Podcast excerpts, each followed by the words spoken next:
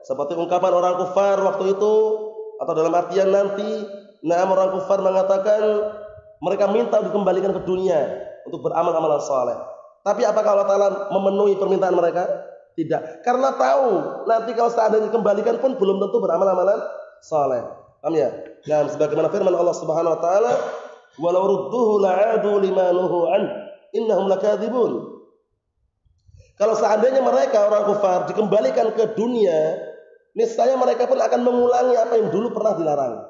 Allah Taala tahu. Nah, sesungguhnya mereka adalah pendusta. Jadi, tapi ini kan nggak terwujudkan. Jadi Allah Taala mengetahui perkara yang akan terjadi, yang tidak terjadi. Tapi kalau seandainya terjadi, bagaimana terjadinya Allah Taala tahu. Apa maksudnya? Nah, barakallahu fiikum.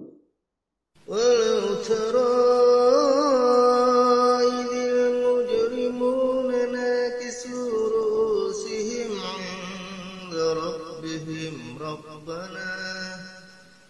ربنا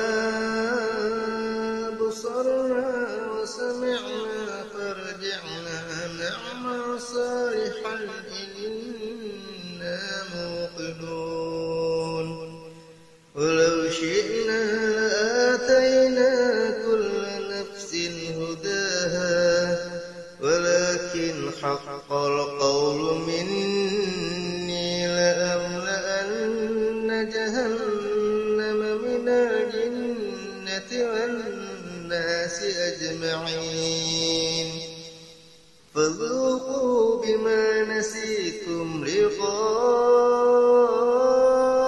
يومكم هذا. إنا نسيناكم. فذوقوا